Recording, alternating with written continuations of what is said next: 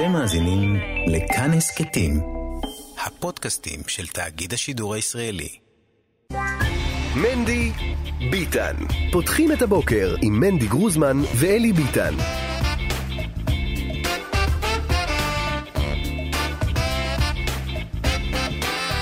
מנדי ביטן אה, כאן מורשת, שלום לכם, שעה שנייה שלנו, לי קוראים אה, מנדי גרוזמן ואני איתכם עד השעה עשר. כפי שאמרנו בשעה הקודמת, uh, בפתח השעה הזאת אנחנו נתעסק uh, בעניינים קשים, ובמידה ואתם מאזינים לרדיו וילדים נמצאים בסביבה, החלטה שלכם, האם לתת להם לשמוע ישירות או לתווך להם דברים מן הסוג הזה בדרך שלכם. אז הנה אמרנו, ויש לכם את הזמן לזפזפ, נעמי צווה בנרי העורכת שלנו, עירה וקסלר על ההפקה. וניהול השידור, רונן דהן על הביצוע הטכני במערכת חברים גם שירה ולכיכר וגם גיא מחבוש, ואתם מוזמנים לסמס לנו לעניין הזה ולכל עניין אחר. ל-055-966-3991,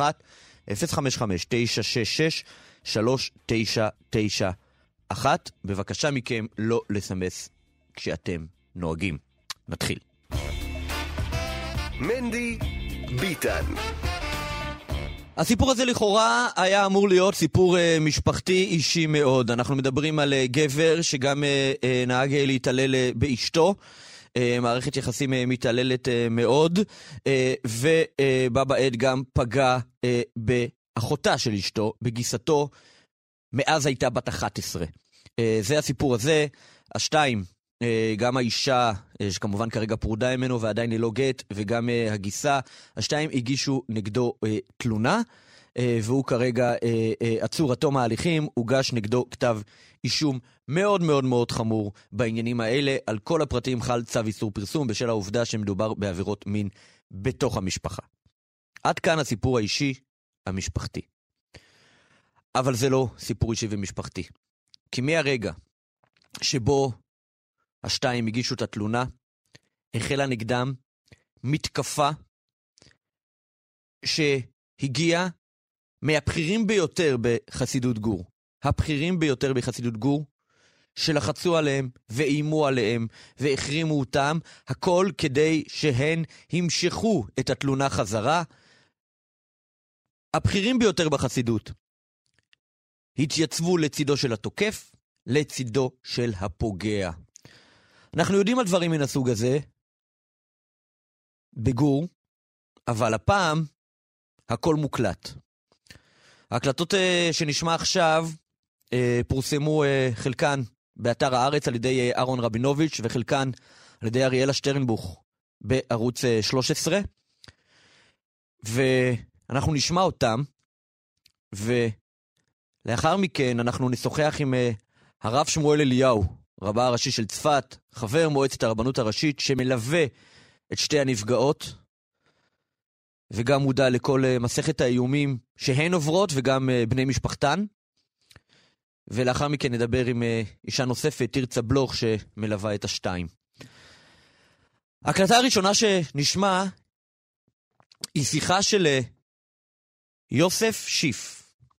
יוסף שיף הוא גבאו האישי של האדמו"ר מגור. הגבאי האישי.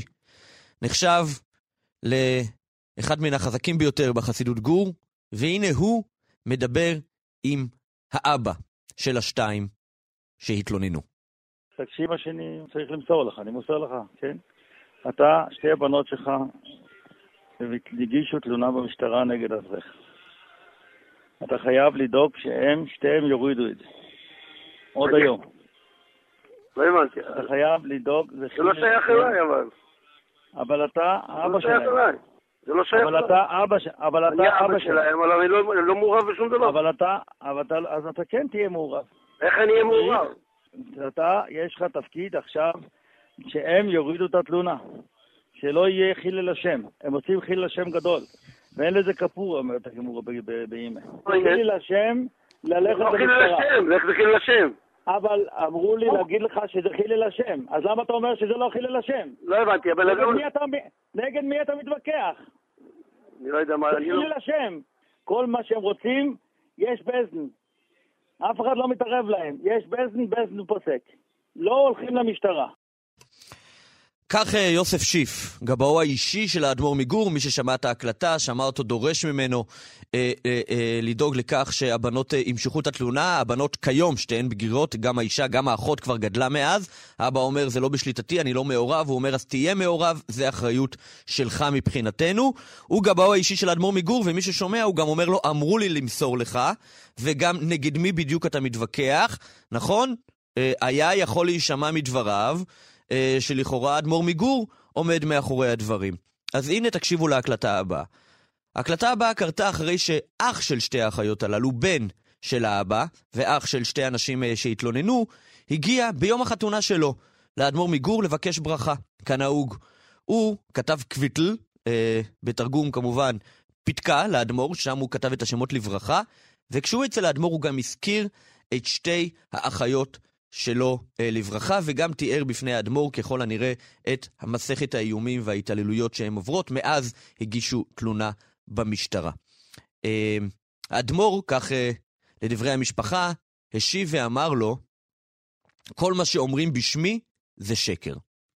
ואז לאחר הפגישה הזאת, בין אח האנשים לבין האדמו"ר מגור עצמו, נשמע ישראל שטול, אה, אפשר להגדיר אותו קצין המבצעים של אה, חסידות גור, שמחובר אה, לוועדה העליונה בגור, אה, ושמו נקשר להרבה הרבה מהלכים שהממסד הגוראי מנסה להשפיע בהם.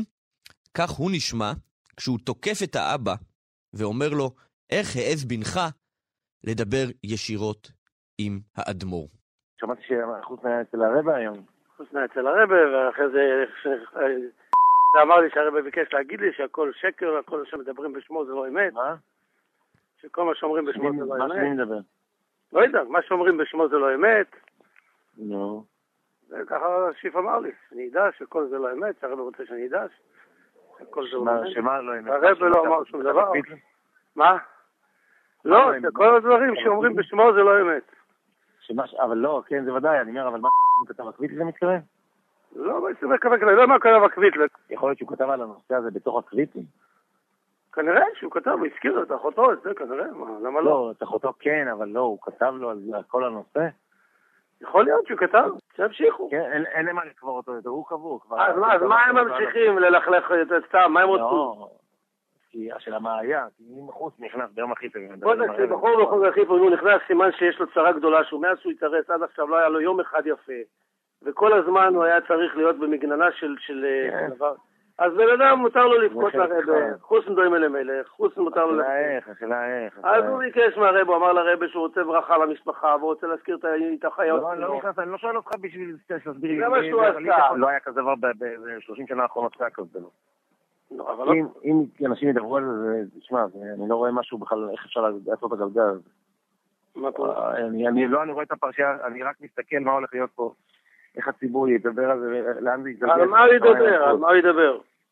זה לא ידבר, זה כבר לא דיבורים, זה יהפוך, אני, אני, רואה מה, את זה. מה, מה. מה, מה זה, מה אתה חושב? שמה? מה יכול מה להיות זה פתאום מה? הטעיה? אתה יודע מה שיכול להיות פה? מה אין, זה, זה מה שהיה כלום, זה הגיהנום נפתח, תגיד, אתה נורמלי, אם אנשים, אם אברכים מדברים על דבר כזה ש, ש, שחוס נכנס וכתב בצורה לא, לא, לא נוחה ולא נעימה, לא משנה מה הוא התכוון, מה, מה- איפה, אני הייתי לוקח מאבטחים.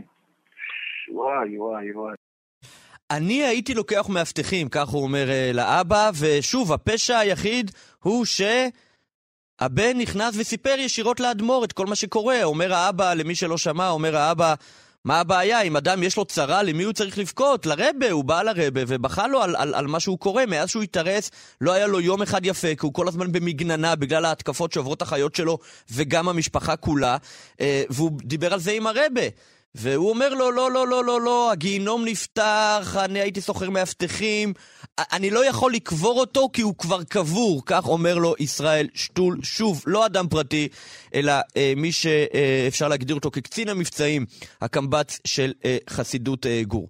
שימו לב שבין ההקלטות, כביכול הת, התלונה המרכזית היא רק למה אה, ניגשו לערכאות. כן? לא חלילה כביכול שהם תומכים בפוגע, אלא למה הלכו לערכאות. ראשית, הלכו לערכאות באישור של בית דין, את המסמך קיים, הוא פורסם בערוץ 13 למי שמעוניין. בית דין מוכר שמאשר אה, ללכת אה, לערכאות. אה, זה כמובן כבר לאור כל הפסיקות הקודמות שבעניינים כאלה פונים למשטרה, כולל הרב שמואל אליהו, שליווה את הבנות וכמובן תומך אה, אה, בהחלטה שלהם אה, להגיש תלונה למשטרה. אבל מעבר לזה, ההקלטה הבאה היא הקלטה שנשלחה לחברי הקהילה, אה, ששם אה, מתגוררת המשפחה, ושם, במפורש אומרים, אנחנו בצד של הפוגע. הנה. ידידיי ורעי, לנו חבר שהוא בצרה, יושב כבר כמה ימים במעצר. מבחינתנו זה לא שייך. ולכן היום אנחנו מתעסקים בשעה תשע וחצי לתפילת מעריב ברחוב השלי, למחות אבל בעיקר לתמוך. ולהתפלל שידידנו היקר יוצא מהאפלה לאורה, משיב לגאילו במאי ורומיים. כן, יש לנו חבר שהוא בצרה, ואנחנו באים למחות ובעיקר לתמוך בו, ויהי רצון שיצא במהרה מאפלה לאורה. כאמור, אדם שעצור עד תום ההליכים לאור פגיעות אה, מאוד מאוד קשות, כולל אה, בקטינה. אה, והנה עוד הקלטה, הגבאי של הקהילה, הגבאי בקהילה המקומית, גם הוא משוחח עם האבא. הנה. הלו. שלום. יושב אברך בבית סוהר עקב תלונות של שני הבנות שלך. תחי לי לשם, אתה חייב לדאוג שהם, שתיהם יורידו את זה. עוד היום. זה לא שייך אליי אבל. אבל אתה אבא לא שלהם. זה לא שייך אליי. אתה אבא ש... אבל אני אתה... אבא שלהם, אבל אני לא- אני לא מעורב בשום דבר. אבל אתה... אבל אתה... אז אתה כן תהיה מעורב. איך אני אהיה מעורב? אתה, יש לך תפקיד עכשיו שהם יורידו את התלונה. שלא יהיה חיל אל השם. הם עושים חיל אל השם גדול. ואין לזה כפור, אומרת הגמור. הם צריכים ללכת למשטרה ולהכחיש את הכל. את מה להכחיש? מה להכחיש? מה ש... את מה להכחיש? שחקרו אותם, ללכת לא חיל למשטרה. השם, לך לחיל השם. אתה צריך לעשות את שלך. לגשת עכשיו לשתי הבנות שלך, להגיד להם שעכשיו ימשכו את התלונה מהמשטרה. ויכחישו בכל מכל. יש בן... הנה, וכחלק אה, ממסכת האיומים אה, וההפחדות שעוברת המשפחה, האישה עצמה שהתלוננה, אה, פרודתו של התוקף שעצור, אה, יש לה עסק, אה, היא אה, אה, תסרוקות לכלות, והודיעו לכולם שאסור. ללכת אה, ול, אה, ול, אה, ולהשתמש בשירותים אה, שלה, והנה לקוחות שאומרים לו במפורש, לחצו עלינו לבטל, הנה. אנחנו באמת נכנעים פה ללחץ מול הילדים, אין לי מה לעשות מול הבת שלי, שהיא, גם בעצמה לא רוצה את זה, אבל היא לא יכולה להחזיק מעמד מול החברות. ואצל הילדים הבאים, בעזרת השם. הבת שלי בעצמה כן הייתה רוצה, אבל היא לא יכולה לעמוד בלחץ מול החברות. עכשיו שוב, שימו לב אה, למסכת החרמות גם שעובר האבא באופן אישי, גם אסרו עליו להגיע לבית הכנסת וגם אסרו עליו להגיע לכולל, כולל חדוותה, שבו הוא לומד. הנה הקטע האחרון שלנו. האבא, שאומר כל הזמן שהנשים הן יכולות להתלונן וזה לא בשליטה שלו, אבל אומרים לו לא, כל עוד אתה לא מצליח להשפיע עליהן אה, לבטל את התלונה, אתה בעצמך תיפגע, הנה. אמרו חדשה, לא לבוא לבפנת, יש ככה ממשל לך. מהבטן, בסדר? בשם הוועדה של הרבנים, כרגע אי אפשר להמשיך ללמוד בחטא בסעלה. הבנתי. כיוון שחטא בסעלה שייך לאיחוד, זה מושג של גור, אז יש לרבנים זכות להחליט מי לומד ומי לא לומד. בכל זאת, כרגע אי אפשר לבוא ללמוד בכולל. תודה רבה.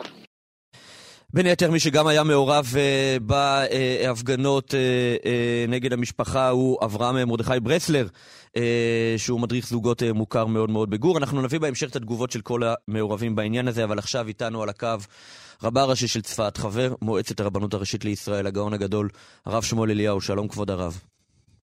שלום שלום. זה הממסד הכי חזק בגור שנלחם במשפחה. אמ, אני רוצה לתקן משהו. כן. אה, אנחנו ליווינו את הבנות אה, נפגעות אה, מתחילת המחסור, מתחילת הדרך. ופנינו לרבנים בגור, ורבני גור, שאנחנו דיברנו איתם, הם חד משמעית היו בצד של הנפגעות, לא בצד של הפוגעים. חד משמעית. גם כשהגיס הלך לאדמו"ר, האדמו"ר אמר לו, כל הפגיעות שעושים בכם לא על דעתי. מדובר בקומץ עסקנים, מרושעים, מרושעים, מחללי שם שמיים ברבים, שצריכים להוקיע אותם. הם באלימותן לא רק מתגברים על הבנות הנפגעות המסכנות, אלא הם מאיימים על הרבנים. זה הבעיה היותר גדולה. אנחנו, אני דיברתי אישית עם הרבנים, דיברתי איתם אישית. הם מאוימים מהעסקנים הפראי האדם האלה. תוכל לומר, תוכל לומר את שמותיהם של רבני גור שתומכים בבנות? אני לא, לא נכנס לפרטים, אני אומר לך, דיברתי... כי הם מפחדים לדבר. אני אומר לך, דיברתי עם גדולי הרבנים. אמרו לי, אני, אני מלווה את הפרשה, הדבר הראשון שעשיתי, כן. זה לדבר עם הרבנים. אמרו לי, מה זאת אומרת? לפגוע בבת זה, זה אחד מגימל עבירות חמורות שבתורה. מה, אנחנו מדברים פה, מדברים פה על, על, על יסודות התורה. והרבנים אמרו לי, ודאי, מה השאלה? חייבים לעמוד לצידם ולהגן עליהם, ובלי שום שאלה, ללכת למשטרה, לתבוע אותם, להכניס אותו לכלא לכל החיים שלו. וגם זה לא יספיק. גם אם בית המשפט ישים אותו כל, כל, כל החיים, הוא לא, זה לא, לא יכפר אחד מני אלף ממה שהוא עשה, הפושע הזה. מה השאלה? מדובר פה בעסקנים, קטני המוחין, שרי המוחין, שעושים חילול השם, וקהילת גור הנפלאה והחשובה צריכה להוקיע אותם. גור זה, אתה צריך לזכור, גור זה, זה, זה תלמידים של השפת אמת. זה, זה דורות של דורות של גדולי עולם, של צדיקי, צדיקי יסוד עולם. השתלטו עליהם כמה, כמה עסקנים פראיים, אני אומר לך את זה, אני, אני מכיר את השמות, אני לא רוצה להיכנס פה לשמות.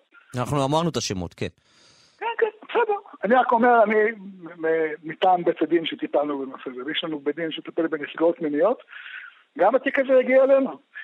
למה הוא הגיע אלינו? מכיוון שהדיינים של גור היו מאוימים מהעסקנים האלה, וחייבים להוקיע את העסקנים האלה כדי להחזיר את הכבוד לקהילת גור. אז בסופו של דבר הידיים של גור לא עמדו לצד הנפגעות, אולי בתוך תוכם כן, אבל בשל האיומים הם בסופו של דבר עומדים מן הצד. אל תדון אדם עד שתגיע למקומו. לא, אני רק אומר את העובדות. כן, אני מבין מה שאתה אומר. העובדות נכונות. אני אומר, הדיינים לא הפרו דבריהם. אולי הם היו צריכים להילחם יותר, אני לא יודע להגיד לך. אני לא דן אותם. אני רק רוצה לומר שצריך למסגר את הבעיה. הבעיה היא העסקנים שהזכרתם את שמותיהם ועוד אחרים, שהם מסוימים, אני חושב שיש עסקנים אחרים טובים מאוד. העסקנים האלה שאתה הזכרתם את שמותיהם, צריך להוקיע אותם. להוקיע אותם זה גם מה שהם עשו דבר לא חוקי. לאיים על עד? לאיים על מישהו שיסיר תלונה? אני לא מבין למה, למה, למה אלה מזיקים על הידיים. הרב, אה, מצד אחד קומץ עסקנים, אבל אה, זה, יש פה משהו מערכתי, אולי לא בהנהגה הרבנית של הקהילה, אבל כן בהנהגה הציבורית של הקהילה. אה, יוסף שיף הוא לא עסקן, הוא גבאי אישי של האדמו"ר. אברהם מרדכי ברסלר עדיין מדריך זוגות מאוד מאוד נחשב ומוכר בגור. אה, ישראל שטול, גם הוא נחשב אה, סוג של אה, קצין מבצעים ומארגן הרבה דברים בתוך גור. גם האבא כיום לא מתפלל בבית הכנסת של גור, כי כך אמר לו הגבאי בקהילה שאסור לו לבוא להתפלל, שמענו את ההקלטות והוא אומר שזה בשם רבנים. כנ"ל לגבי הכולל שלו, כולל חדוותה. אני מבין את, ה, את החשיבות שהרב רוצה להפריד בין הקהילה לבין המעשים הללו, אבל העסקנים הללו הם חלק מ, מהמנגנון של גור. אתה מדבר על עסקנים, ואתה אומר שעסקנים עסקנים בכירים, אני לא חולק על דבריך. אני רוצה להזכיר את הציטוט שאמר האדמו"ר מגור. זה לא אני. אני מתנגד למה שעושים. ואני אומר את זה בצורה ברורה, כי זה התיקון. התיקון הוא שכולם יכפפו את דעתם לדעת תורה. ודעת התורה זה מה שהאדמו"ר אומר, ולא מה שאומר העסקן, אפילו אם זה הגבאי החשוב ביותר. צריך את הגבאי החשוב ביותר, לשים אותו מנקה רחובות. או לשים אותו בכלא, לא יודע. צריך לדעת, כולם חייבים להישמע לדעת התורה, ודעת התורה מוקיעה. התורה אומרת שמה שעשה המנוול הזה הוא שווה ערך לרצח. כי כאשר יקום איש על רעהו ורצחו נפש, כן הדבר הזה. הבן אדם הזה עשה את זה לא פעם אחת, ולא לאישה אחת, ולכן צריך להוקיע אותו כמו שמוקיעים, כמו שהתורה אומרת, למען יראו וייראו. התורה אומרת, התורה, התורה של משה רבנו שניתנה מהר סיני, אומרת, תוקיע את האנשים האלה בריש גלי מול קבל עם ועולם, ואל תגיד חילול השם. למה? כי ההוקעה הזאת תמנע את הפעמים, את, את, את הפגיעות הבאות. זה מה שהתורה אומרת לנו, זה מה שאנחנו צריכים לעשות. כל מי שמדבר נגד התורה, שילך לכל הרוחות. הרב דיבר עם אה, הדיינים בתוך גור, הם סיפרו לרב על אה, איומים? ודאי, ודאי. מה הם סיפרו לרב? עד כאן, אחי. Hmm? עד כאן. אבל הם סיפרו לרב שהם מאוימים.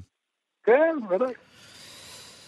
הרב אה, שמואל אליהו, רבה הראשי של צפת, חבר מועצת הרבנית הראשית, וצריך לומר גם, הרב של השבורים במגזרנו, של החזקים והאמיצים, סליחה, לא של השבורים. תודה רבה, תודה, תודה. אני רוצה מילה אחת, אחי. בטח, אמרת את המילה הנכונה, האמיצים. כן. הבנות האלה, מגיע להן כל הכבוד שבעולם. אמיצות, גיבורות, חזקות. הם, הם, הם עברו מסכת התעללויות שהשם ירחם. אתם פירקתם מקודם את קצה קצהו. אנחנו רוצים לחזק אותם ולומר לכם, לומר להם, כולנו איתכם, כולנו איתכם, ותדעו לכם, גם הקדוש ברוך הוא, אבי יתומים ודיין אלמנות איתכם. הרב שמואל אליהו, תודה. תודה לכם, שלום שלום. ממשיכים אה, בעניין הזה, ואנחנו רוצים לומר שלום לתרצה בלוך, אה, מלווה מקצועית אה, מגירושין, שגם מלווה את, גם את שרי, השם הבדוי, אשתו, פרודתו של התוקף, וגם את אחותה. שלום תרצה. בוקר טוב. מה, מה שלומן? אני חייבת לומר שנשים אמיצות וחזקות בצורה שלא תיאמן. הן מחזיקות מעמד בצורה יוצאת דופן, הרבה בזכות התמיכה של הרב שמואל אליהו, של מגן, של הרבה אנשים טובים שנחלטים להיות שם בשבילם. אני חושבת שזה מה שנותן להם את הכוח להחזיק מעמד. ספר לנו ככה על אה, תחילת הפרשייה, פרשייה הרבה שנים, אבל אה, על ההתפוצצות שלה. אה, אני אומר בזהירות, כן. אנחנו לא רוצים לחשוף פה יותר מדי פרטים. אני יכולה לומר שהפרשייה הזו התפוצצה סוג של ברגע אחד. דברים נחשפו בתוך המשפחה, וכמו שאומרים, האישה היא האחרונה לדעת, שרי הייתה האחרונה להבין שיש כאן פגיעה מערכתית במשפחה שלה. ורק אז היא קיבלה את האומץ לספר על מה שהיא עצמה עוברת. כך שהיא מצאה את עצמה ברגע אחד בתוך הטלטלה הזו, ומהר מאוד מול, מול המתקפה הנוראית הזו של הקהילה שלה, שהיא נולדה לתוכה וגדלה לתוכה, גידלה את הילדים שלה לתוכה.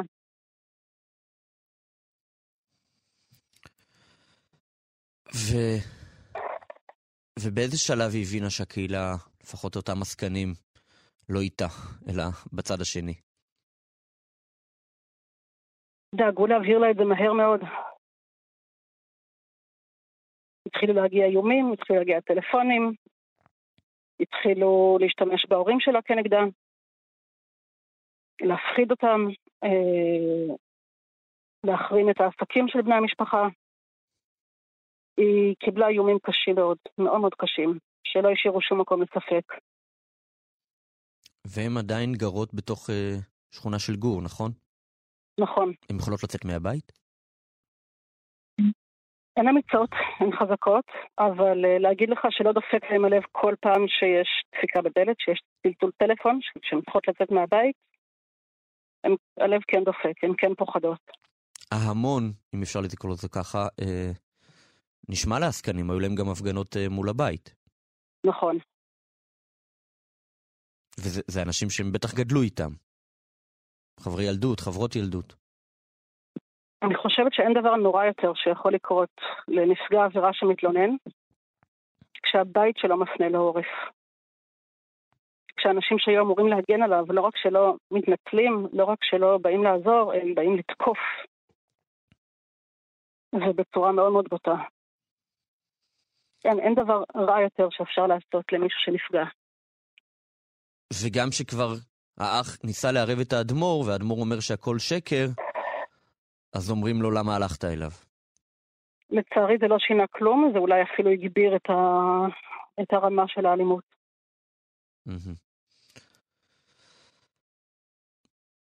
מה נאמר? מה נאמר? מה נאמר? מה נאמר? איך הילדים? הילדים מקבלים טיפול, לזכות הרבה אנשים טובים שעוזרים למשפחה, ופה אני רוצה לפנות לכולם, תעזרו להם. אין לכם מושג כמה כסף עולה לשקם משפחה שנפגעה ברמה הזאת. במיוחד כשהעסקים של המשפחה נשברים ומתרסקים. מי שיכול לעזור בכסף, שיבורך. כמובן. זה חשוב. וגם צריך לומר שהעסק קרס כי, כי החרימו לה את העסק. כן, אשדודים, תקנו אצלם, תהיו אצלם, תראו כן, להם אנחנו, אנחנו לא יכולים כן לומר את השם, אבל מי שגר באזור ומכיר את העסק הזה, שילך, שילך לקנות שם. כל מי שרוצה יכול לפנות אליי וניתן פרטים. מספר הטלפון שלי הוא 052 739 0097. תחזרי שוב בבקשה. 052 739 0097. כן, ולתרום כספים אפשר גם בביט, אני אומר את המספר 055 55 62364 055 55 62364 זה המספר לביט. אפשר גם בפייבוקס, אבל זה בקישור, אז אין לנו דרך להעביר. ואפשר דרכי. כן, אז אפשר גם לדבר עם תרצה, שוב נאמר את המספר שלך, 052 739 0097 כל הכספים מגיעים למשפחה ישירות כמובן. תרצה בלוך, שיהיו חזקות, תמסרי להן של כל כך הרבה אנשים איתם. באמת, אני, אני מכיר אנשים שלא מכירים אותם, לא מגור ולא קרוב לזה, שדיברו איתי אתמול ואמרו, מה שצריך אנחנו נעשה, נעביר כספים. תמסרי להן שאולי הקרובים אליהם בגדו בהם, אבל, אבל כולם איתם. אני רוצה לומר עוד מילה אחת. כן. אם אתם מכירים מישהו שעובר תופעה כזאת, אל תשתקו. בריונות זו תופעה זוחלת, זו תופעה מתפשטת. זה לא נכון לומר שזה רק בחסידות מסוימת, זה קורה בהרבה קהילות, זה קורה במקומות שלא היינו מצפים לזה אפילו. אל תיתנו לזה כתף, אל תיתנו לזה לקרות גם לנו. תהיו טובים לסביבה שלכם, תהיו תומכים, תהיו רגישים. אתם לא יודעים איזה כוח יש למילה אחת טובה שאתם אומרים למישהו שעובר תקופה קשה בחיים. תרצה בלוך, תודה. יום טוב. אנחנו uh, חייבים uh, להקריא את התגובות כמובן uh, של המעורבים uh, בפרשיית גור. אז הנה, uh, פרקליטו של uh, התוקף, שעצור עד תום ההליכים, עורך הדין מיכאל עירוני, מסר בתגובה. מרשים מכחיש בתוקף את ההאשמות ומבקש לנהל את משפטו מול הרכב שופטים ולא מחוץ לאולם הדיונים. מתחילת המשפט ההרגשה היא כי המשפט מתנהל לא כנגד מרשי, אלא נגד חסידות גור כולה. משפחת המתלוננות והמתלוננות עצמן מנצלות כל הזדמנות כדי לנגח ולהשחיר את חסידות גור לרבנות הבחירי, לרבנות, לרבות הרבנים הבכירים בה. הוא מוסיף שהוא גם זוכה לקללות, איומים ואיחולים מצד משפחת המתלוננות. מעולם לא נתקלתי בהתנהגות ביזארית ואלימה כזו. יוסף שיף, הגבאי האישי של האדמו"ר וגם מאברהם מרדכי ברסלר, מדריך הזוגות, שמעורב במסכת הלחצים על המשפחה. רק ביקשו למסור שהאדמו"ר לא מודע לפרשה, סירבו להגיב ליתר הטענות, כך בתגובה להארץ. ישראל שטול הכחיש את המיוחס לו והוסיף, מדובר בכתבה מכפישה, מגמתית ושקרית, שנולדה ככל הנראה ביוזמת בעלי עניין ואינטרסים ידועים, אשר כל מטרתם לפגוע בחסידות גור, ויש הקלטות. מנדי ביטן. פותחים את הבוקר עם מנדי גרוזמן ואלי ביטן.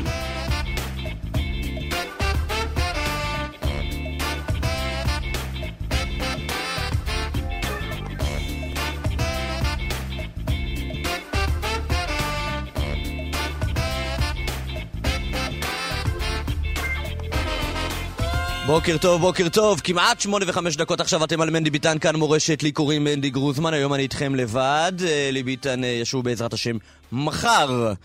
טוב, אה, המחאה הצליחה, לפחות חלקית, לא? ככה זה נראה, יש רפורמה מרוככת, כבר לא מה שציפו לו. אה, נכון לעכשיו, אה, קואליציה הודיעה שדבר ראשון, דחייה של כל הסעיפים, מלבד סעיף אחד כבר נדבר עליו, למושב הקיץ. זה כבר לא הליך חקיקה מזורז, גם פסקת ההתגברות וגם דברים אחרים. והסעיף שכן רוצים להביא לאישור סופי, קריאה שלישית כבר במושב הזה, הוא השינוי בוועדה למינוי שופטים, אבל אותו ריככו משמעותית, במקום שהקואליציה תוכל למנות לבדה את כל השופטים, על פי, ה, על פי ההצעה החדשה, המרוככת יותר, אז הקואליציה תוכל למנות רק שני שופטים. שני שופטים בכל קדנציה, ואילו לשופט השלישי לשם כך תידרש גם הסכמה של נציג האופוזיציה, וללא הסכמתו אה, המינוי לא יעבור, החל מהמינוי השלישי והלאה. אה, זהו, מה שקרה זה שלפני יומיים, ביום, אה, אנחנו היום שלישי, ביום ראשון אה, בשעות הערב התכנסו להם ראשי, הקואל, ראשי הקואליציה אה, וסיכמו על הריכוך הזה. אה, בגוש הימין לא מרוצים.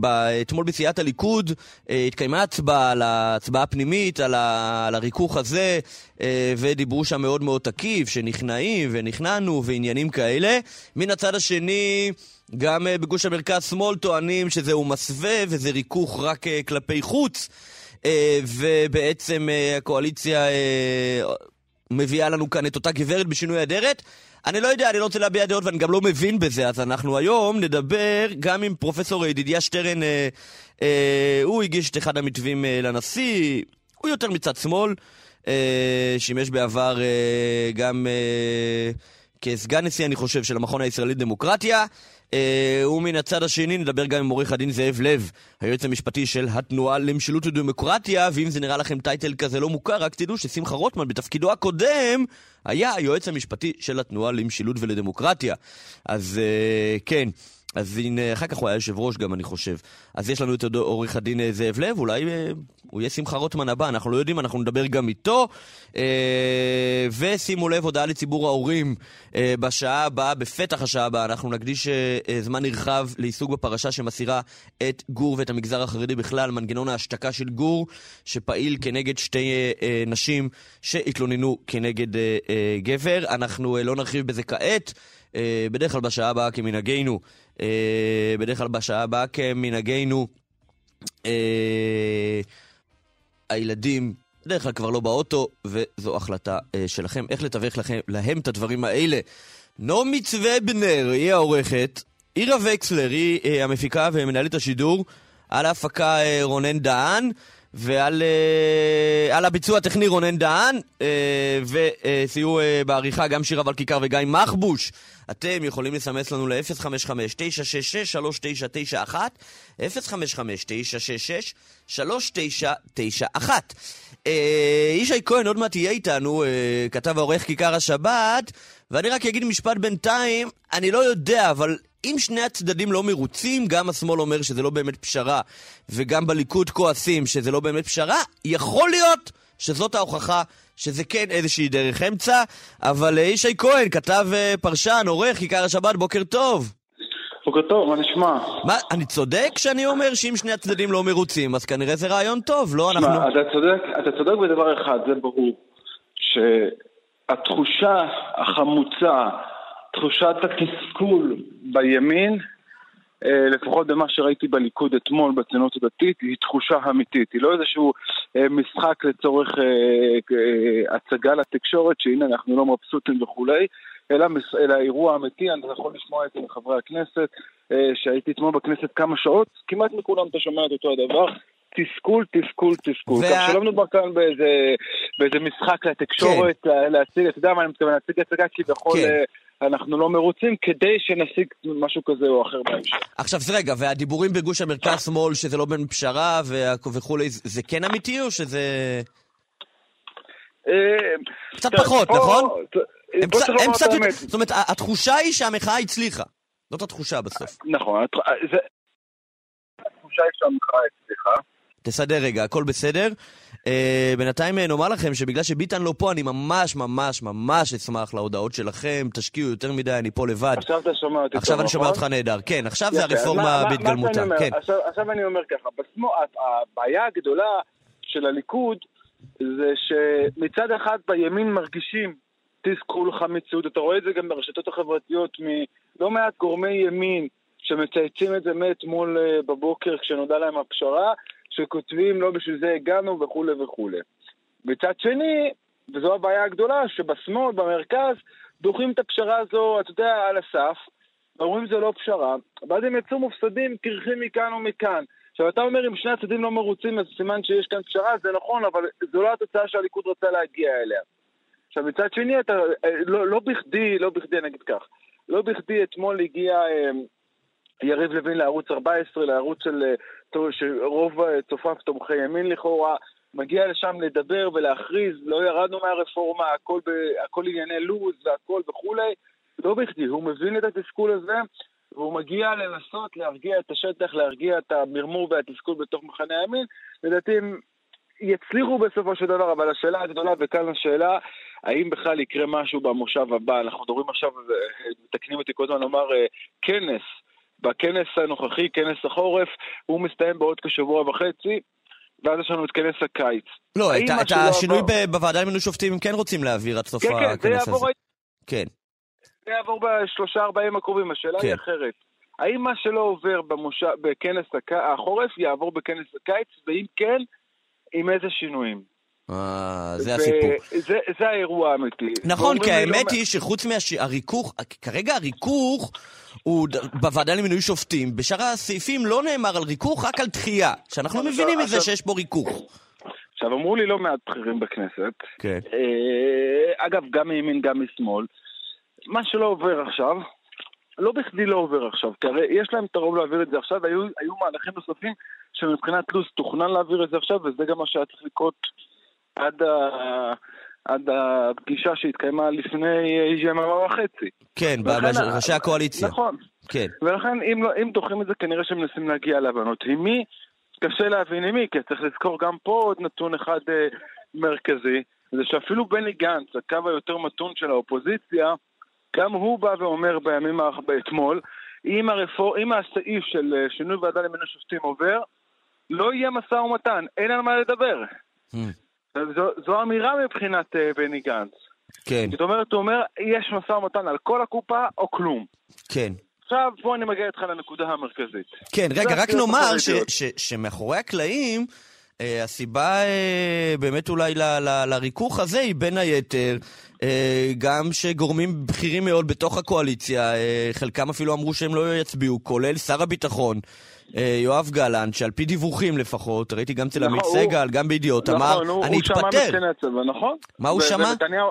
הוא, הוא, הוא- לפי מה שהוא מספר באותן פגישות עם נתניהו, אה, שבכירי הצבא אומרים שאנחנו בסכנה אמיתית מבחינת צה"ל, מבחינת הסירובי פקודה וכולי, והוא איים להתפטר, ונתניהו היה, אתה יודע, בין הפטיש לסודן, יש לו מצד אחד את יריב לוין, מצד שני יש לו את יואב גלנט, צריך להכריע מי, מי יותר דרמטי שיתפטר כן. לך, לא אירוע פשוט, ולכן אני אומר, התירוצים שהכל דחייה טכנית למושב הבא, הם תירוצים. זה ברור. כי בסוף אותן מהומות שהיו כאן בשבוע האחרון מאחורי הקלעים, יחזרו גם במושב הבא. עכשיו אני רוצה להוסיף לך דבר אחד שלדעתי הוא הנתון המרכזי.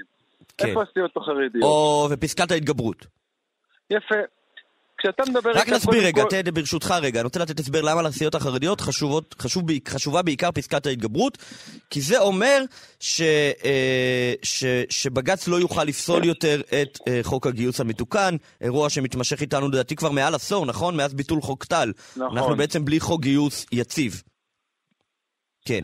עכשיו, תראה, הסיעות החרדיות, מי שעקב מהרגע הראשון, אני, לפחות אני אה, הדגשתי לא מעט, שאת החרדים מעניין דבר אחד, פסקת ההתגברות, על שאר הנושאים הם מוכנים להתפשר. כן.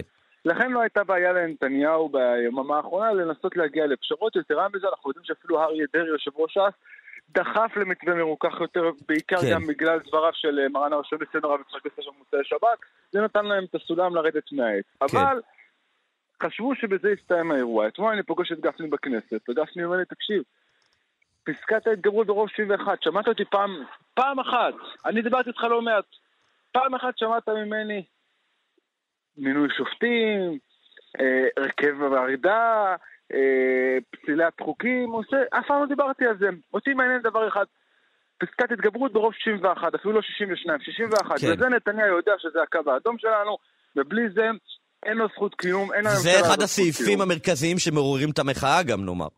נכון, ולכן עם ספירת ההרגעה המרכזית ששמענו ביממה האחרונה, צריך לזכור שבשבוע הבא, במושב הבא, אנחנו נקבל את זה מחדש בכל מה שקשור לפסקת ההתגברות. האם בסופו של דבר, תראה, שמעתי את הקולות האלו גם בעיקר מש"ס ביממה האחרונה. זהו, רציתי לשאול, זה שאולי- גפני או או שזה גם אה, ש"ס? ש... זה, קודם כל זה, זה, זה יהדות התורה. כן. כשאתה אומר יהדות התורה זה כולל אגודת ישראל, כולל גולדנום, כולל אייכלר ואחרים. כן. כשאני חוזר לש"ס, וש"ס לא מדברים, אתמול הייתי שם, ניסיתי להוציא ציטוטים רשמיים, אמרו לי, עזוב, לא מדברים. אני אומר להם, פסקת ההתגברות, הדגל שלכם, לא מדברים.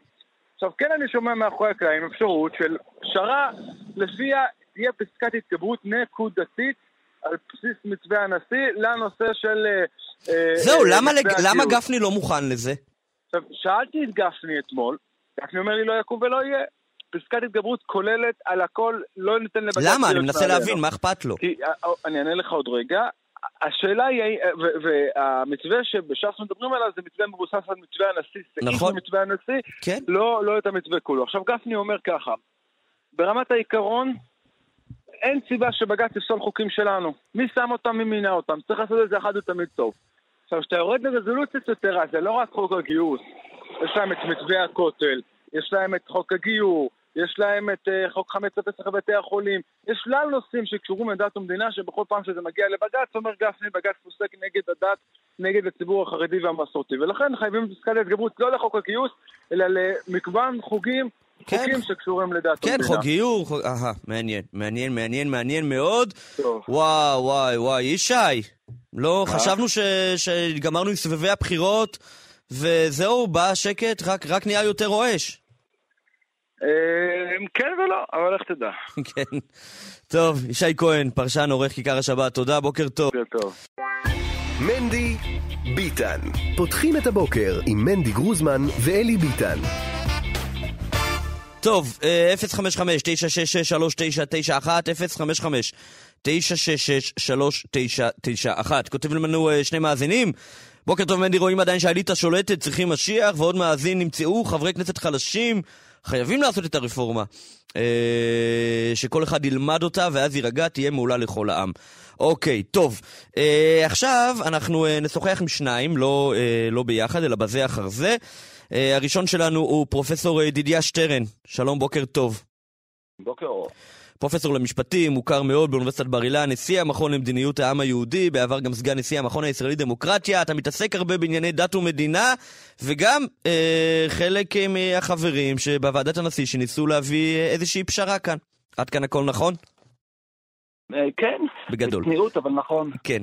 אז uh, עכשיו, אני רוצה רגע, ברשותך, רגע לבודד את, את כל הדיון הכללי ואת רעשי הרקע, ולדבר רק על, ה, על, ה, על, ה, על הצעת החוק המרוככת בנוגע לסעיף הזה של הוועדה למינוי שופטים, שאומרת שהקואליציה תוכל למנות שניים, שני שופטים, ומהשלישי והלאה uh, יצטרכו תמיכה גם של האופוזיציה. מה אתה חושב על החלק הזה? תראה, לצערי אני חושב שהחלק הזה יגרום לכך שהאמון בשופטים, שאיננו גבוה היום, יצנח עוד יותר בעתיד הנראה לעין.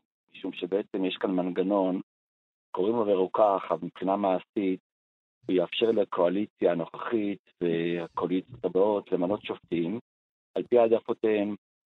העדפות הללו יהיו מן הסתם אידיאולוגיות, וה- והמשמעות תהיה שבית המשפט יהפוך להיות עוד יותר אידיאולוגי ממה שהוא היום. גם היום יש בו כמובן עמדות שמבטאות העדפות כאלה ואחרות, אבל אני חושב שהדבר יהיה הרבה יותר גס, הרבה יותר ברור. גם יש סבירות גבוהה לדעתי שהקואליציה תבחר לא סתם שופטים טובים עם העדפות אידיאולוגיות של הקואליציה, אלא כאלה שהם יחסית קיצוניים. אין סיבה שהיא לא תבחר את הקיצוניים. והחשש האמיתי, מנדי, הוא שהמחלוקת המשתקת שקיימת כיום בכנסת ישראל בין קצוות תועתק גם לבית המשפט העליון, ויהיו שם מחנות אה, ליברליים קיצוניים ושמרנים קיצוניים, ויהיה קשה מאוד להגיע להסכמות בבית המשפט העליון, וזה מאוד חבל. אבל כבר עכשיו אנחנו יודעים אה, ששופטים, בסופו של דבר, אנחנו, יש איזשהו, אה, יש גם מה שנקרא מזג שיפוטי, ויש איזשהו קו מאפיין בפסיקות של, אה, של שופטים. לא מדבר עכשיו על אג'נדות אה, אישיות מהבית, אבל אפילו אג'נדות שיפוטיות, איך מתייחסים, מתייחסים לחוקים, איך מתייחסים אה, לפירוש חוקים, זה דברים שקיימים, ואנחנו שוב, אנחנו מדברים על כך שהקואליציה ממנה רק שני שופטים. עדיין, חלק גדול מן השופטים יהיו שופטים מוסכמים. אז שאלת שתי שאלות. לגבי השאלה הראשונה, אתה צודק. ברור שהשופטים הם לא מכונה, אלא הם בשר ודם עם העדפות מסוימות. העניין הוא שאלה של מידה ושאלה של כמות ושל קיצוניות. אז גם אם אנשים אינם מרוצים, חלק מהציבור, אני מניח שחלק מהציבור החרדי מרגיש שבית המשפט איננו קשוב מספיק לצרכים ולאינטרסים ולערכים של הציבור החרדי, וזה מובן לי, אני חושב שזה אפילו נכון. השאלה היא שאלה של מידה. וכרגע, הכיוון שהולכים אליו הוא של הקצנה משני הכיוונים. לגבי החלק השני של שאלתך, אני חושב שזה עניין עובדתי לא נכון. אמת מדובר על שני שופטים בכל קדנציה של הכנסת, אבל בדיקה פשוטה מגלה שכנסות ב-20 שנה האחרונות מחזיקים כשנתיים, מחזיקות כשנתיים ימים בממוצע. כן. אין יותר משני שופטים בממוצע שמוחלפים בשנתיים. זאת אומרת, המשמעות הריאלית היא כמובן בעתיד, וקשה לצפות בעתיד, אבל אם מסתכלים על העבר ומנסים להסיק ממנו לגבי העתיד, המשמעות היא שהרוב המכריע של השופטים, אם לא כולם, ידי הקואליציה. אני רוצה להגיד, בלי קשר לעניין. כן, וצריך גם לשים את, ה- את העניין הזה, שכיוון ש- שבמשך הרבה מאוד שנים, כן, אה, אה, גוש הימין, אה, אה, ימין חרדים אה, הוא בקואליציה, אז בעצם אומרים, אתה אומר, כל השופטים בערך, בכנסות אחרות, אבל בסופו של דבר, אותו גוש ימנה את כל השופטים. נכון, וזה לא טוב לכולנו, זה לא טוב לאף אחד, כי בית המשפט יאבד את הקרדיט. תראה, מנדי, יש לנו הרבה מחלוקות אידיאולוגיות, תרבותיות, מחלוקות לשם שמיים, אני מוכן לקרוא להן, לגבי מהי מדינת ישראל, לאן היא צריכה ללכת. זה בא לידי ביטוי גם ביחסים לדת ומדינה, אבל בעוד הרבה נושאים חשובים מאוד, זה לא חזות הכל, דת ומדינה. כן. בכל הנושאים הללו אנחנו צריכים איזשהו מקום שלמרות המחלוקת החזונית בחברה הישראלית, המקום הזה יהיה מקום שיכול איכשהו להוביל אותנו בתוך המחלוקת אל הסכמות מסוימות. עכשיו, הכנסת מתקשה לעשות את זה הרבה שנים, אנחנו יודעים את זה, שיתוק פוליטי. זה המצב. אז אנחנו צריכים בכל זאת מקום שיאפשר לנו לקבל את ההחלטות. בדמוקרטיות, בין אם הן ליברליות ובין אם שמרניות, המקום הזה הוא תמיד בית משפט. והחשש הגדול שלי הוא שהמתווה החדש הזה, שקוראים לו מרוכך, יגרום לכך שגם בית המשפט לא יוכל לספק לנו את השירות הבסיסי הזה של אה, הכרעה בדילמות שהכנסת איננה יכולה לקבל בצורה סבירה, שפויה, שפעם אבל זה לפעמים בית המשפט זה מכריע בדילמות שהכנסת כן קיבלה החלטה, והוא סבור אחרת. נכון, נכון. למשל גיוס, נכון, אתה צודק, למשל גיוס חרדים, ואכן, לדעתי, וגם מתווה הנשיא קיבל את העמדה הזאת שהקבוצה שאני עמדתי בראשה סברה שהיא נכונה, אנחנו חושבים שהסוגיה הספציפית של גיוס חרדים היא סוגיה שהכנסת צריכה לקבל בהחלטה ולא בית המשפט. אנחנו כולנו יודעים שבית המשפט פעמיים ואפילו שלוש, תלוי איך מפרשים את זה, ביטל חוק של הכנסת בסוגיה הזאת. בעינינו זה לא עניין של הכרעה שיפוטית, עניין של הכרעה שאם הרוב הישראלי מוכן לוותר לחרדים על גיוס, so be it, כך יהיה. אם הוא לא מוכן, אז שיאזור כוח ויחליט בהחלטה של הכנסת שהוא לא מוכן לוותר, זה לא עניין שיפוטי. כן. אני אגיד את זה, אני אגיד את זה בצורה כללית, אני חושב שצריך שיהיה לנו בית משפט עצמאי, במובן הזה שהשופטים אינם מוטי פוליטיקה ולא מסתכלים ימינה ושמאלה לראות האם יוכלו להיות מקודמים על ידי הקואליציה, מצד אחד. מצד שני, צריך לאזן בצורה שונה את הסמכויות בין הרשות השופטת לרשות המבצעת והרשות המחוקקת לטובת האחרונות. זאת אומרת, בית המשפט צריך להיות עצמאי, וזה המתווה כנראה הולך לקלקל לדעתי, ומצד שני צריך לאפשר לכנסת לקבל החלטות, בעיקר בשאלות של זהות. תראו, בית משפט חשוב ביותר, וצריכה להיות לו המילה האחרונה לדעתי, בנושא של זכויות אדם וזכויות מיעוטים. אבל בנושא של זהות המדינה, איך יראה המרחב הציבורי, הדברים הללו, בשבילם יש פוליטיקה, בשביל זה הולכים לכנסת ובוחרים את נציגי הציבור, והם אמורים להיות בעלי המילה האחרונה. שאלה לי אליך, הנושא של נישואים אזרחיים בישראל, העובדה שאין נישואים אזרחיים בישראל, אה, לדעתך זו סוגיה שבית המשפט אה, יכול אה, להכריע בה? לא, בוודאי שלא. הנושא, תראו, הרוב בא אדם ואומר, רוצה- זכותי נפגעת, אני רוצה להירשם לא דרך הרבנות, ואני לא יכול. נכון, אתה צודק. מצד אחד, בהחלט סוגיה של זכויות אדם, כי הזכות להקים משפחה על פי רצוני נפגעת אם אין נישואים אזרחיים, כן. למי שאיננו מעוניין בנישואים הלכתיים. זה נכון, אבל אני לא חושב שזו הסוגיה המרכזית האמיתית. הסוגיה האמיתית בסוג... בהקשר הזה היא האופי של המרחב הציבורי בישראל, האם משפחה, כפי שהיא מוגדרת על ידי היהדות לדורותיה, היא הסמן הראוי ליהדות המדינה, ואני חושב שבעניין הזה הכנסת צריכה להחליט. בסופו של דבר, אז אם כך, אבל זה לא רק הגיוס. אז נגיד אה, קבלה, הכרה בגיורים רפורמיים, וכל הדברים הללו, זה גם דברים שבית המשפט קיבל בהם הכרעות. ו... ו... ולדעתך, אם אני נכון. מבין נכון, זה לא התפקיד שלהם. אז איך מאזנים נכון. אם אין פסקת הידברות? תראה, אני אספתי קבוצה של עשרה פרופסורים אה, מכל האוניברסיטאות, ובהם חמישה דקנים של פקולטה המשפטים לשעבר. ישבנו וחשבנו על הסוגיות הללו בצורה רצינית לאורך זמן. והמסקנה שהגענו אליה, וזה המתווה שאנחנו הצענו, שהוא רק בחלקו אומץ על ידי הנשיא, המתווה של הנשיא זה המתווה של הנשיא, לא שלנו. כן. אנחנו חשבנו שבסוגיות הללו שהזכרת אותן, אין ברירה אלא לאפשר לכנסת ישראל לבטא את רצון העם.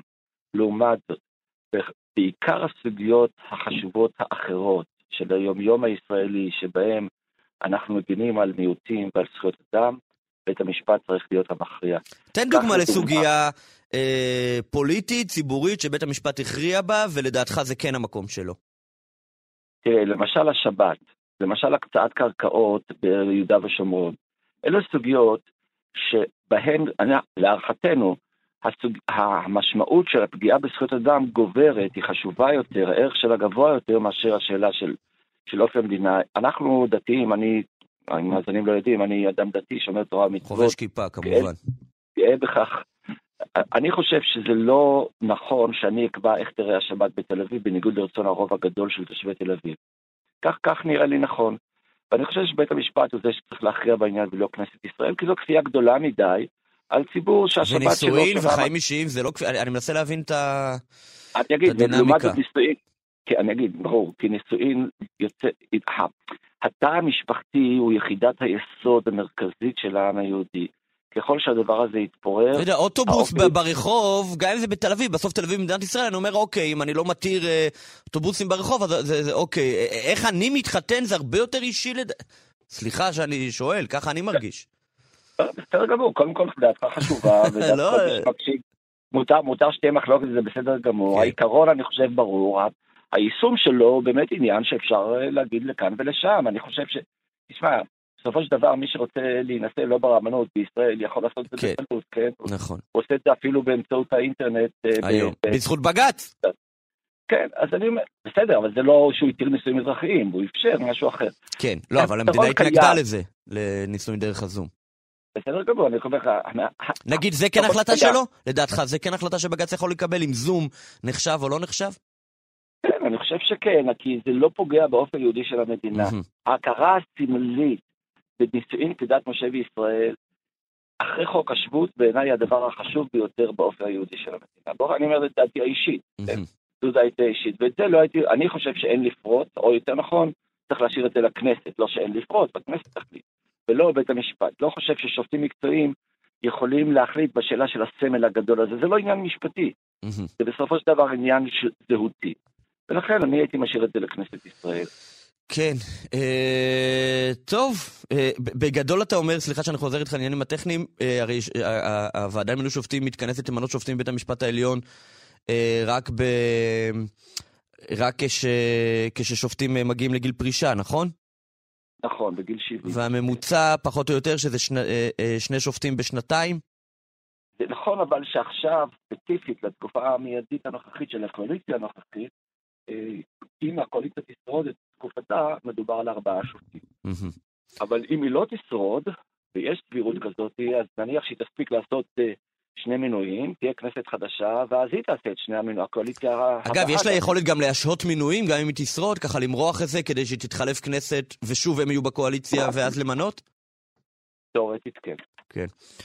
פרופסור ידידיה שטרן, נשיא המכון למדיניות העם היהודי, תודה, בוקר טוב. בהצלחה לכולנו, יום טוב. יום טוב. עכשיו אנחנו אומרים שלום לעורך הדין זאב לב, היועץ המשפטי של התנועה למשילות ודמוקרטיה.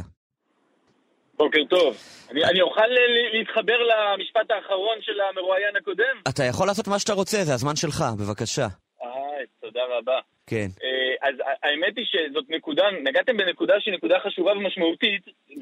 נכון, הוא בסדר, פרופסור שטרן, הוא, ככה לא שמאל אה, הזוי, הוא בסדר, הוא מכיר בזה שצריך שינויים, אפשר לדבר, אפשר, אפשר להתכנס איתו. אני, האמת שלא שמעתי את הריאיון איתו, אני, תראה, כולם מכירים, אתה שואל מישהו ממערכת המשפט אם צריך שינויים, הוא אומר, ודאי, יש לנו בעיה חמורה של עודף כן. מוטיבציה ועודף פרפקציוניזם. אבל רגע, לא, ברצינות בבקשה, כן. אחת הבעיות לאורך השנים בוועדה, בוועדת, בוועדה למינוי שופטים, תמיד הייתה בדיוק הנקודה הזאת, של הקואליציה אף פעם אין עניין למרוח את מינוי השופטים, כי הם אף פעם לא יודעים מי, מי יהיה בקואליציה הבאה, אף אחד לא מבטיח להם שהם ישבו וישלטו בקואליציה הבאה. לשופטים לעומת זאת, יש ודאות מוחלטת שלא משנה מי יהיה בקואליציה ומי יהיו השרים, הם יודעים שהם תמיד יישארו שם, ולכן כאשר היה אה, זכות וטו והיה איזשהו כיפופי ידיים, לשופטים תמיד היה עדיף לא להתפשר ו- ולמרוח את הזמן, למרוח את המינויים, כדי לחכות, אולי בקואליציה הבאה יצא, יצא להם קלף. אוקיי, זה, טוב. זה היה השנקל שלי בנושא. אז כן, אנחנו נגיע לזה עוד מעט אה, בהרחבה, אבל אני קודם כל רוצה לפתוח, אני לא יודע אם אתה שמעת בפתח השעה, אני הודעתי שאתה תתראיין כאן, ואמרתי ששמחה רוטמן, הכוכב הגדול של האירוע, אה, תפקידו הקודם היה יועץ המשפטי של התנועה למשילות ודמוקרטיה, ולפיכך אמרתי שאנחנו נראיין את שמחה רוטמן הבא. אה, אה, תראה, שמחה רוטמן, אני אכן נכנסתי לתפקיד שלו, לנעליים המאוד מאוד גדולות שהוא השאיר. אה, אצלי עד היום, הוא כן. רשום, שמחה רוטמן, יועץ המשפטי תנועה למשילות. כן. טוב, כן, והלוואי שאני אזכה באמת אה, להיות השמחה רוטמן הבא, אבל אני לא רואה את זה קורה. טוב, עכשיו בוא, בוא אה, באמת נדבר על העניין. יש פה על השולחן את העניין הזה של הוועדה למינוי שופטים, נוסח מרוכך, אומרים הקואליציה ממנה שני שופטים, יש לה יכולת להשפיע על הרכב בית המשפט, לא על כל ההרכב, על שני שופטים. אה, בעיניך זה הצעה טובה או שזה כניעה מבישה? כן, בחיים לא הכל נראה בין הצעה טובה לקנייה מבישה, זאת ודאי הצעה רעה, ו- והבעיה הכי גדולה בה, הסיבה שהיא באמת מצטיירת ככניעה, זה כי אה, למעשה כל מה שהיא עושה, היא נותנת דלק ל- ל- למחאות, והיא מחלישה מאוד את יכולת התמרון של הקואליציה. כשאתה בא, כשיש מחאות במשך חודשיים, הפגנות ומחאות כל כך משמעותיות מצד אחד, מהצד השני יש לך רפורמה שהתחייבת להעביר ואתה אתה רוצה להעביר אותה, אז לבוא ולייצר פשרות רעות, סתם, בלי סיבה, בלי משא ומתן, בלי לקבל שום דבר בתמורה, זה פשוט הפגנת חולשה שלדעתי לשפוך דלק על, ה- על המחאות. מצד שני, להמשיך, אתה יודע. לנסוע ישר ישר ולא לשים לב למה שקורה, זה גם אולי לא, לא בדיוק אופציה אה, טובה. זה נכון, ולכן הייתי מציע, אם אני, לו אני הייתי מייעץ למי שיושב שם למעלה, הייתי מציע להם לעשות אחת משתיים, אחת משתי אפשרויות. אפשרות אחת היא לקחת את אחד המתווים של הפורומים המאוד מכובדים שיוש... שיושבים ומציעים מהצד השני של המפה. לא אנחנו, לא קהלת, לשבת, ואגב, הם עשו את זה. לשבת עם פורום דיקני האוניברסיטאות, לשמוע את, אה, את פרופסור אלבשן, פרופסור פרידמן, זאת אומרת, אנשים שהם לא פרופסור מזוהים שטרן כ- גם כ- בסדר? פרופסור שטרן, שטרן בסדר גמור. כן. לשבת איתם, לקחת את אחד המתווים שלהם, נו. כמובן, להתאים אותו, לראות מה אי אפשר להתפשר בו, ועל סמך המתווה הזה להציע איזושהי פשרה. ואז לפחות אתה אומר, חברים יקרים, הנה, ניהלתי משא ומתן, לקחתי מתווה מהצד שלכם, ואתה אולי מרוויח את דעת הקהל הציבורי, אתה מרוויח הרגעה של השטח. אבל כשאתה לא לוקח מתווה כזה, אתה יוצר מת- מתווה קנייה של עצמך, מכניס לתוכו רכיב וטו של השופטים, שזה דבר שעקרונית הוא רע, ואתה שם אותו על השולחן, אז תראה מה קרה. מצד שמאל, אף אחד לא מקבל את זה, הם אומרים, תקשיבו, אז לא רגע, משמעותי, ההערה שלך היא בעיקר פוליטיזציה." טקטית פוליטית, כאילו, איך- עשו את זה. אני אומר, זה, זה, זאת בעיה, בעיה אחת כן, חשובה. עכשיו יש גם תוכן, ובוא ניכנס אליו כן, אולי. בוא ניכנס אליו, כן. אוקיי, אז בתוכן, תראו, צריך, צריך להגיד ככה. אה, לאורך כל השנים, הטענה הכי חזקה של הצד השמרני של המפה, והיא טענה שבאמת, בוא נגיד את האמת, אי אפשר להתמודד איתה, אף אחד הצד שלי לא באמת יכול להתמודד איתה, היה נושא הווטו לשופטים בוועדה למינוי שופטים, כי זה דבר שלא קיים בעולם המערבי, והוא לא קיים לא במקרה, הוא לא קיים כי אין דרך להגן על זה, זה חסר היגיון. עכשיו, כשאתה, כשיש טענה כל כך חזקה, כל כך עקרונית וכל כך נכונה, ואז אתה בא ומציע הצעת פשרה שבה אתה אומנם מצמצם, יש לך שני, שני מינויים שלך, ואחרי זה אחד של האופוזיציה, אבל אז אתה בא ושם על השולחן במפורש זכות וטו לשופטים. ואני מזכיר, בעשור האחרון יש לפחות שלוש אה, אה, כנסות שבהן הפוטנציאל לווטו הזה. גם אה, אצל איילת שקד, גם במינויים של סער, גם אה, הכנסת הנוכחית אפילו יכולה להגיע לארבעה מינויים תאו- באופן תיאורטי, אם היא תשרוד. אז אתה, אתה פשוט יורה לעצמך ברגל, אתה מכניס, אתה משאיר מצב גרוע, אתה פוגע בטענה העקרונית הכי חשובה שלך, ואז זה צריך להוסיף עוד דבר והוא דבר חשוב. בית המשפט היום מאוד לא מאוזן. כנגד שלושה שופטים שהם בערך שמרנים, יש לנו אה, עוד שני שופטים שהם אה, פחות או יותר במרכז, אני מדבר על ציר השמרנות, שמרנות אקטיביזם. שניים שהם בערך במרכז, ועשרה שהם אקטיביסטים מובהקים. עכשיו, במצב הזה, אם אתה רוצה לשנות, אתה צריך באמת לשנות, אתה לא יכול להכניס שניים, וביחד איתם להכניס עוד שניים שהם, אה, שהם מחזקים את הצד השני. בצורה הזאת לא תשנה לעולם את המפה. אה, אבל, אבל פרופסור שטרן מקודם אמר, הוא אומר ככה, כנסת, בדרך כלל הממוצע של כהונות הכנסת בדרך כלל זה שנתיים, למרות שעל פי חוק זה כמובן יותר, אבל בדרך כלל כנסות הממוצע הם שנתיים. בשנתיים, פחות או יותר, אה, מגיעים שני שופטים לגיל פרישה, אה, ולפיכך הוא אומר, זה בעצם אומר שתמיד הקואליציה תבחר את, אה, את השופטים, ובהנחה גם שהדמוגרפיה, סליחה, היא הדמוגרפיה המוכרת לנו, ובדרך כלל הקואליציה היא, היא, היא בראשות גוש הימין המרכז בעשרות השנים האחרונות, אז זה אומר שבסופו של דבר כל השופטים יהיו מצד מסוים. כן, אז דבר ראשון, הממוצע הוא, אחרי, הוא 2.8 שופטים לכנסת, זה נכון. רק שאתה יודע, אתה מכיר את הבדיחה על האדם שטבע בנהר שעומקו הממוצע הוא 20 סנטימטר? לא. ממוצע זה דבר שמשקר. תצחיק אה, אותי. אתה יודע, מה- אני לא בטוח שהיא כל כך מצחיקה, כי הוא טבע בסוף, אבל אתה מבין, נהר שהעומק הממוצע שלו 20 סנטימטר, הוא 10 סנטימטר במקום אחד, אה, ואז אתה כן, טובע בנקודה שהיא כן. 4 מטר. כן, כן, כן. אה, זאת אומרת, ממוצע זה דבר שקל מאוד אה, להטעות איתו.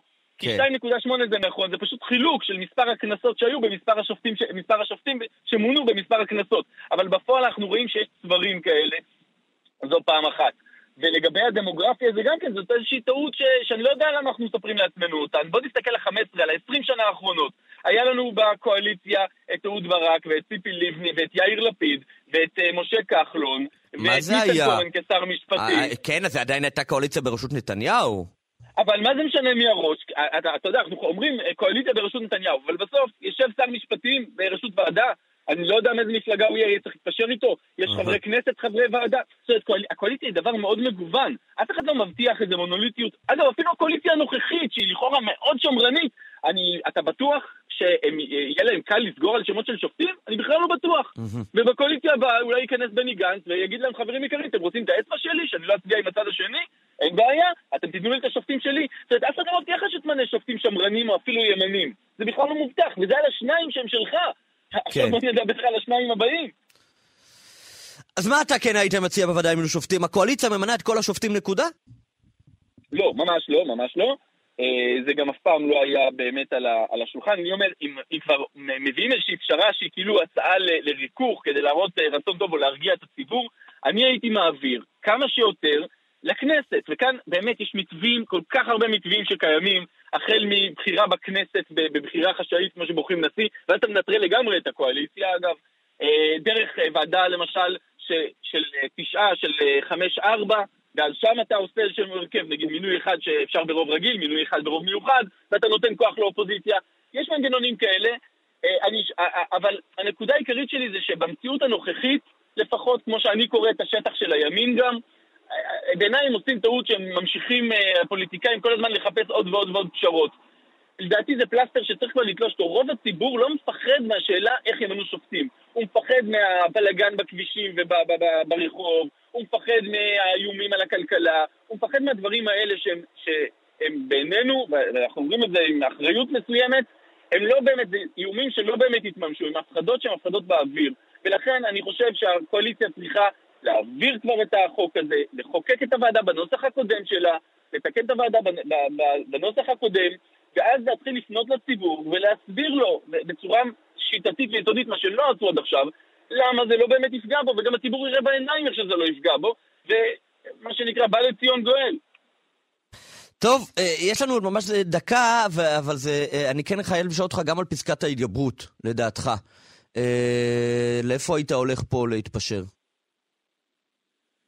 אה, בפסקת ההתגברות הכיוונים, אה, לדעתי, לפשרה צריכים להיות אה, בכיוון אחד של לאפשר באמת לבית המשפט לפסול ברוב שהוא קרוב, שהוא לא רוב מאוד מאוד מאוד, זאת אומרת לא 15 מ-15 או 13 מ-15 שבאמת כאילו זה, זה בעיניי זה מוצדק, אבל זה באמת יותר מצג כאילו רוצים למנוע לחלוטין את היכולת להתערב, אז תרד לרוב של 11 מ-15 זה גם בסדר, 10 מ-15, זאת אומרת לרדת ל, להפחית את הרוב, זה פעם אחת, פעם שנייה אפשר בהחלט לדרוש שהתגברות קבועה על פסילה כזאת, שצריך רוב מיוחד של הכנסת, זאת אומרת, רוב של קריאות, נגיד ארבע קריאות, שקריאה אחת מהן תהיה בכנסת הבאה, כלומר, כן לתת משמעות לפסילה של בית המשפט את החוקים. כשבית המשפט כבר פוסל חוק, אז לתת לזה משמעות מיוחדת, והכנסת להתגבר על זה תצטרך באמת אה, לקבל את אמון הציבור מחדש, למשל לאחר בחירות, דברים מהסוג הזה. וב-61 אה, להעלות לא. קצת אפשר? לא, או, וגם כאן שוב אני חוזר לנושאים העקרוניים. צריך להבין שיש כאן, העקרונות כאן הם לא סתם פרינציפים. העקרונות כאן הם חשובים, הם מבטאים תפיסה, הם מבטאים רעיון. והעיקרון הוא של ריבונות הרוב. רוב בכנסת, רוב של 61 בכנסת, הוא מבטא את רוב הציבור. אין מקום אה, לא, אבל יש שיטות, יש שיטות. אה, אתה יודע, במדע המדינה, שדורשות מלכתחילה, אתה יודע, נגיד בראשות עיר, נגיד בראשות עיר, כן? אם יש לך שלושה מועמדים, ארבעה מועמדים, ויש אחד שקיבל את מספר הקולות הגבוה ביותר, עדיין עושים סיבוב שני בין שני הראשונים, כי רוצים רוב גדול יותר. עקרון לא, הרוב, שלטון הרוב, זה לא תמיד אומר על. חודו של קול. אתה צודק מנדי, אבל גם שם מה רוצים? רוצים רוב שהוא רוב מוחלט, הכוונה היא יותר מ-50 אחוזים. כן, בסדר, אבל אני אומר... 61 אצבעות בכנסת, זה, זה, זה יותר מ-50 אחוזים מהציבור. לא יכול להיות ששופטים שהם בסוף, בסופו של דבר לא נבחרי ציבור, יגברו על רוב לא, הציבור. היה בזמנו אני איזה... כן אומר- שנייה, סליחה, הייתה בזמנו איזה הצעת חוק אה, שהחלטות על פשרות טריטוריאליות, אני לא יודע אם זה עבר, אה, יצטרכו לעבור ברוב גבוה יותר, נכון? מה, אתה היית מתנגד להצעה כזאת? הייתה, אני, אני חושב שהצעות כאלה הן בבסיסן הן לא דמוקרטיות. כן, המקום היחיד שבו הצעות כאלה הן, הן לגיטימיות, זה כל מה שקשור לשינוי שיטת הבחירות. שם זה נכון, זה המקום היחיד. אז אתה מתנגד להצעה כ- כזאת על פשרה טריטוריאלית? כן, כן. אה, אה, התמהמת רגע, התמהמת רגע. התמהמת רגע.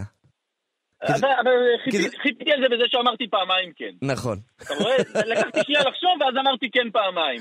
אני, אני, תראה, תראה, יש דברים שמאוד חשובים לנו, בעיניים כן. שלנו, כמו שלי למשל, פשרה טריטוריאלית היא מאוד כואבת לי, ולאנשים אחרים, לא יודע, דברים אחרים מאוד מאוד חשובים וכואבים להם, זה נכון, אבל אנחנו צריכים להיזהר מאוד עם דרישה לרוב של יותר מ-50% מהציבור. זו דרישה שהיא בעייתית, יש לה בעיית לגיטימיות מאוד גדולה אם אתה רוצה ל- ל- לנהל כאן מנגנון שהוא מנגנון בסוף של דמוקרטיה. עורך הדין אה, זאב לב, היועץ המשפטי של התנועה למשילות ודמוקרטיה, או כפי שאנחנו קוראים לו שמחה רוטמן הבא, תודה רבה. בוקר להתראות. טוב, שלום למאזינים. מנדי ביטן. פותחים את הבוקר עם מנדי גרוזמן ואלי ביטן. פינת האוכל שלנו, הפרסר, מי איתנו היום? יוסי אה, אטינגר? אמת, בוקר טוב. איי איי איי, למאזינים. דעתי לי בוקר אור, פסח מתקרב, דבר אלינו. יאללה, על פסח עוד נדבר בפינות הבאות. כן. היום נדבר על אה, תחום האהוב עלינו, מקומות חדשים, נכון, כשרים. מקומות אה, קיימים שהפכו לקשרים אה, וכדומה. אה, אז המקום הראשון שנדבר עליו זה מקום חדש לחלוטין, בעיר מודיעין. זו עיר שגם אה, לאט לאט מתפתחת קולינרית מבחינה כשרה. אה, לא היו בה כל כך אה, מקומות כשרים יותר מדי, היה פיצריות וכאלה, אבל פחות מסעדות. אה, עכשיו אנחנו מספרים, אחרי שיש מסעדה שהייתה לא כשרה ונהפכה שם לכשרה, מסעדה בשם פדריק שסיפרנו עליה בעבר, כן. מסעדה חדשה שנפתחת, זה מסעדה קצת מיוחדת, מסעדה היברידית, זה מרבית השבוע היא פתוחה רק לאירועים, אבל ערב או שניים בשבוע הם פותחים אה, לקהל הרחב, אפשר אה, להזמין מקום מראש ולבוא ככה לערבי טעימות. זו מסעדה שנקראת קונמיגו, אה, של שף בשם עידו אלקיים, זה שף מאוד אה, ותיק ומנוסה, הוא היה שף של מסעדת טורו בירושלים הרבה שנים. אה, לפני זה מסה ולגוטה, יש לו ככה רזומה עשיר. והוא פתח את המסעדה הזו, זה עכשיו מקום שלו, מקום שכל כולו ככה שם, הוא זה שנותן את כולו שם, הוא זה שנמצא שם, הוא זה שעושה הכל שם. מכין שם אוכל, מיישם את כל השיטות שהוא למד במהלך השנים. אה, אז פשוט צריך לעקוב אחרי הפרסומים אצלנו, אצלו בעיקר מן הסתם, אה, של ערבים ככה שהוא עושה אה, פתוחים לקהל הרחב, הרבה טעימות. אה, או אירועים, אם רוצים, גם כן אפשר אה, כמובן להזמין שם וליהנות. איזה זה כיף. מקום אה, מיוחד ומעניין, ובמודיעין אז זה בשורה, כי זה באמת מקום שלא כן. היה משופע במקומות כשרים. כן. אם אנחנו כבר אה, בסוג של פריפריה, אנחנו מרחקים מעט לאשדוד. באשדוד יש פיצריה ששמענו הרבה הרבה זמן עד כמה היא מדהימה ועד כמה היא טובה, והיא הייתה ללא תעודת כשרות, לא היה בה שום דבר לא כשר, לא היה שם אה, חלילה בשר חלב או משהו כזה, אבל היא הייתה ללא תעודה, אז כמובן אה, נאלצנו להתנזר ממנה, ועכשיו ממש לאחרונה היא קיבלה השגחת צוהר. זו פיצריה שנחשבת אה, אחת מהטובות בארץ, אם לא ה, מה שנקרא בסלנג, היא נקראת פרינו, של בחור מדהים בשם יאן ארוש, כבר הספקנו להיות שם ולבקר ולטעום, וככה לראות שכל הסופרלטיבים שהורפו עליה אה, ממש בצדק, באמת מקום מדהים, עם כל מיני תוספות מאוד מאוד מיוחדות, וככה במקום שכונתי, עם כיסאות ושולחנות בחוץ, כיף לשבת שם גם.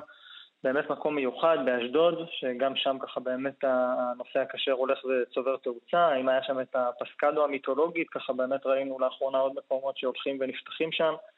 אה, עוד ועוד מסעדות, יש שם גם באמת איזה אה, סושי חדש שנפתח לאחרונה בשם טורו. אה, אני לא זוכר אם הספקנו לדבר עליו כאן בפינה או לא, אבל באמת סושי מאוד מאוד טוב, מאוד מאוד מומלץ. אה, אז גם כן עכשיו יש אה, חלופה נוספת של פיצה, אה, אנחנו מאוד מאוד ממליצים, מאוד מאוד מאוד טובה ומאוד מומלצת. יפה, יש עוד? אנחנו, יש לנו זמן. עוד.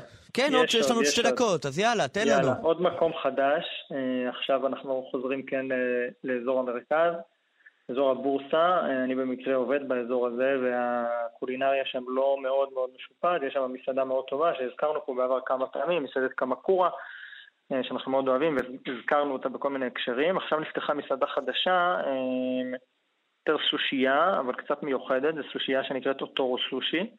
אה, זה סוג של סושי שאני בכל אופן לא ראיתי אותו עדיין בארץ, אני חושב שהוא לא קיים בכלל, גם לא בענף הלא כשר.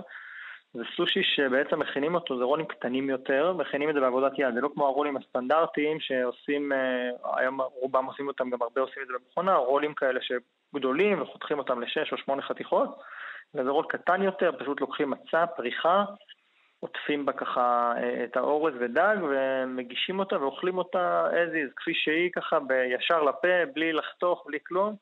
אה, זו חוויה קצת שונה, חוויה טובה ומעניינת, הסושי ספציפי לזה באמת מאוד מאוד טוב, החומרים טריים. הוא עושה שם גם תחליפים, אה, אני חושב שאנשים אוהבים את זה, אני באופן אישי פחות מתחבר, אבל, אבל מי שטעם אמר שזה מעולה, כל מיני כביכול סרטן כשר ו, ודברים מהסוג הזה, אנשים שטעמו מאוד מאוד אהבו. אני הלכתי יותר על הקלאסי, על הטונה והסלמון ויתר הדגים שהיו שם.